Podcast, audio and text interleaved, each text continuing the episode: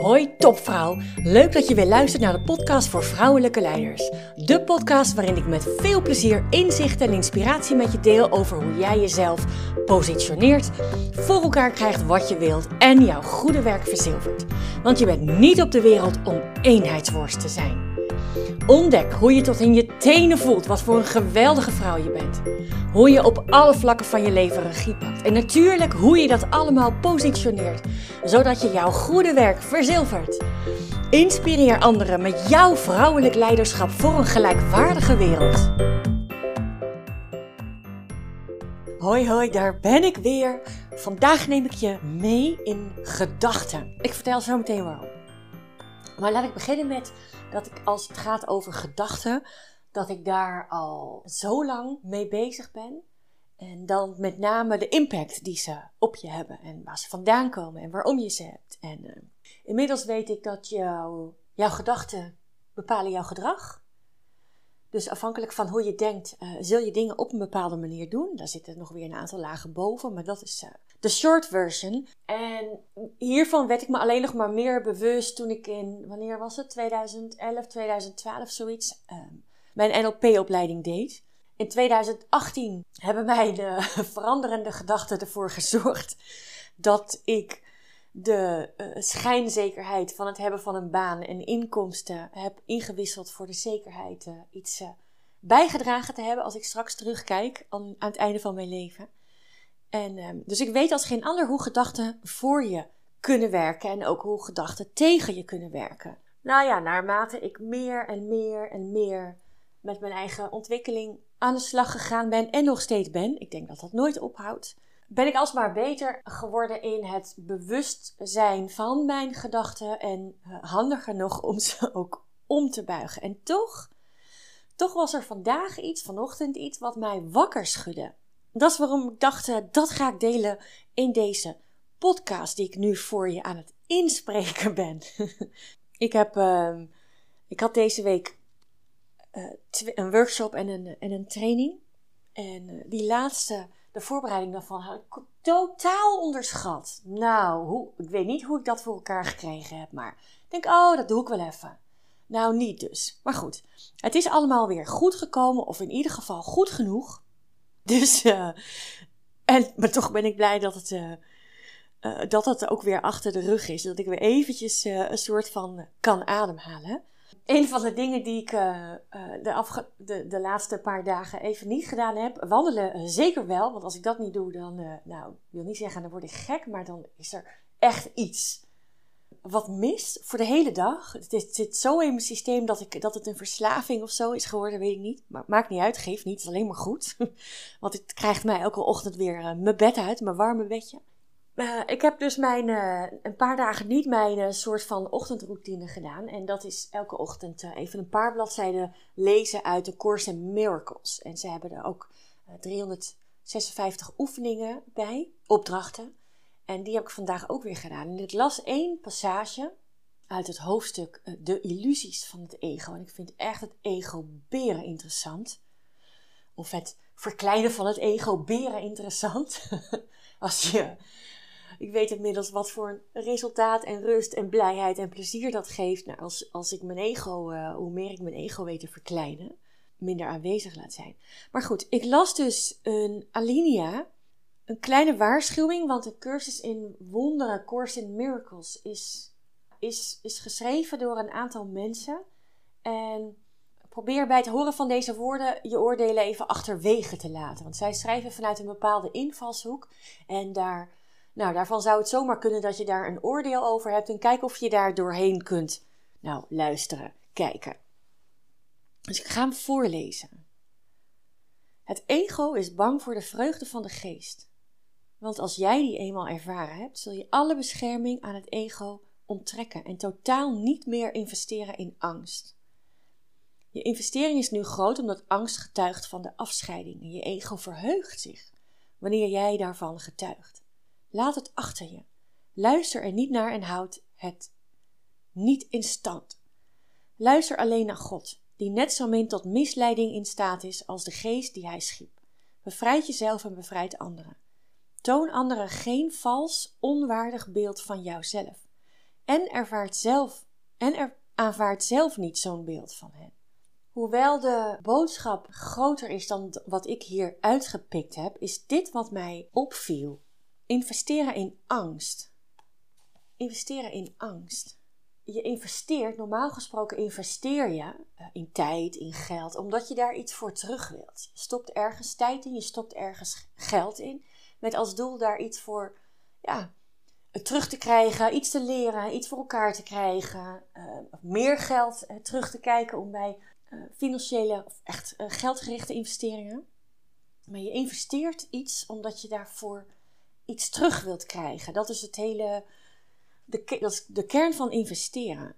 Als je kijkt naar onze gedachten, onze emoties, dan zijn die allemaal terug te leiden naar op hoofdlijn twee soorten daarin. Dat is liefde en dat is angst. Dus welke emotie je ook hebt, uh, boos zijn, uh, verdrietig, het is allemaal uiteindelijk weer terug te leiden naar angst, schaamte, schuldgevoel hebben. Het is allemaal terug te, terug te brengen naar dat ene uh, woord, angst. Datzelfde geldt ook voor je gedachten en dan vooral je, je gedachten die jou niet dienen, dienen, de wat minder positieve gedachten. En denk aan dat je, ja, ik blijf dat voorbeeld herhalen, merk ik aan mezelf, maar dat op het moment dat je uh, eigenlijk gewoon moe bent en het je het liefst op de bank wilt ploffen en dat er toch een, iets is wat ervoor zorgt dat jij niet gewoon lekker op die bank gaat zitten, maar nog even door blijft gaan. Het is ook allemaal terug te brengen naar angst. Want iets in jou zegt, onbewust, hè, onbewust, zegt tegen je van nou, ja, je moet dit werk echt even afmaken. Want als jij dat nu niet doet, ja, dan is het niet goed genoeg. Dan ben jij niet goed genoeg, dan faal je. Dus het is uit angst om ja, uiteindelijk niet te willen falen. Niemand wil falen. Dus het is allemaal terug te brengen naar angst. Als jij je, je ergens weerhouden voelt om je uit te spreken tijdens een, een overleg of in een gesprek. En er is iets wat jou tegenhoudt, ook weer terug te brengen naar angst. Een angst om niet goed genoeg gevonden te worden, een angst om voor wat mensen er van zouden kunnen denken als jij je zo uitspreekt. Ja, dat zijn dus allemaal uh, gedachten of gedachten of dingen die we ons, onszelf vertellen, die jou niet dienen, die jou uh, echt uh, heel veel energie kosten. Dus toen ik, vanochtend, toen ik vanochtend op het toilet zat, merkte ik aan mezelf, ik heb dus een drukke, drukke week gehad en wat dingen naar voren geschoven die toch ook vandaag wel weer af moeten. Dus ik merkte dat ik daarmee bezig was. Dat ik mezelf denk, oh ja, ik moet wel opschieten. Want terwijl ik dat aan het doen was, met deze alinea in mijn achterhoofd, dacht ik, hé, hey, weet je wat ik nu aan het doen ben? Ik ben aan het investeren in angst. Ik ben aan het investeren in angst. En waarom? waarom? Nou, ik kan geen enkele reden bedenken waarom je zou investeren in angst. Waarom zou je angst groter willen maken? Waarom zou je je energie nog verder omlaag willen brengen? Want dat is precies wat er gebeurt. Ik ben aan het piekeren. Dat doe ik uit angst, hè? Ik krijg het niet af en dan is het, uh, of ik doe het uh, uh, maar half en dan is het niet goed genoeg en dan ben ik niet goed genoeg en dan faal ik en dan kom ik mijn afspraken niet na. Nou, bla bla bla bla bla bla. Dus hé, hey, ik ben lekker tijd aan het stoppen in angst. Ik ben aan het investeren in angst. Nou, ik stop bakken met geld in mijn persoonlijke ontwikkeling om daarvan te groeien. En wat doe ik zelf? Ik zit te piekeren en investeer in mijn angst. Ik stop tijd in mijn angst, zodat mijn angst groter kan worden. En ik me nog gejaagder voel. En dat is onzin. En dat is natuurlijk de grootste onzin. Dat is natuurlijk heel, nou, silly, raar, ironisch, wat je er ook, welke woorden je er ook aan wilt geven ik realiseer me dat ook dat een oordeel is over mezelf. En ja, dan weet ik, ben ik inmiddels wel dusdanig lief genoeg voor mezelf. Dat ik dan ook met liefde naar mezelf en naar die ontdekking over mezelf uh, durf, te, durf te kijken, kan kijken. En dan denk ik, oh ja, wat grappig toch, hè? Hoe dat dan werkt. Dat is waarvan ik dacht, nou, dat ga ik, dat ga ik even met je delen. Want op het moment dat jij gedachten hebt of, of zeker als je wat drukker maakt, dat, dat gebeurt eigenlijk de hele tijd. Eckhart Tolle zegt altijd, uh, denken is uh, de, de, de, de ergste met, met stip op nummer één verslaving in de, in de mensheid, zoals we die nu zijn met elkaar. En ik denk dat hij daar zomaar een punt, punt heeft. Dus dat is als je dat bij jezelf merkt, hè, dat je in gedachten meegenomen wordt over wat er gaat gebeuren, of wat er gebeurd is, of over een situatie waar je nog over aan het, aan het denken bent. En dat is geen leuke situatie, hè, want dat, ook dat uh, staat er. Hè. Het ego is bang voor de vreugde van de geest.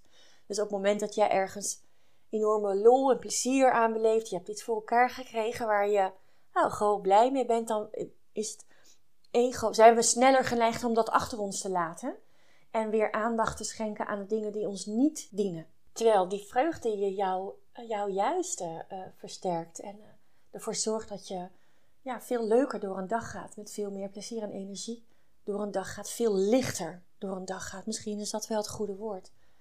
Want als jij vanuit een roze bril, met een roze bril door een dag gaat, ziet jouw dag er totaal anders uit dan dat je blijft pieken. Dan dat je blijft bezig zijn met dingen die uh, ja, jou alles behalve versterken. Ja, stop maar. Stop maar met investeren in angst. Stop maar met tijd besteden met gedachten hebben die jouw angst eigenlijk alleen maar versterken. Waarom zou je dat doen? Je investeert over het algemeen in iets waar je beter van wordt, blijer van wordt, meer geld uithaalt, uh, groeit, wat je ook wilt. Maar investeren in angst, je tijd stoppen in gedachten die linksom of rechtsom jouw angst versterken, dat is toch, uh, ja, dat is toch eigenlijk raar. Dat is toch eigenlijk raar. Ik denk dat dat een mooi is om, uh, om mee af te sluiten. Stop maar met investeren in jouw angst. Zonde. Zonde. Ga maar plezier hebben.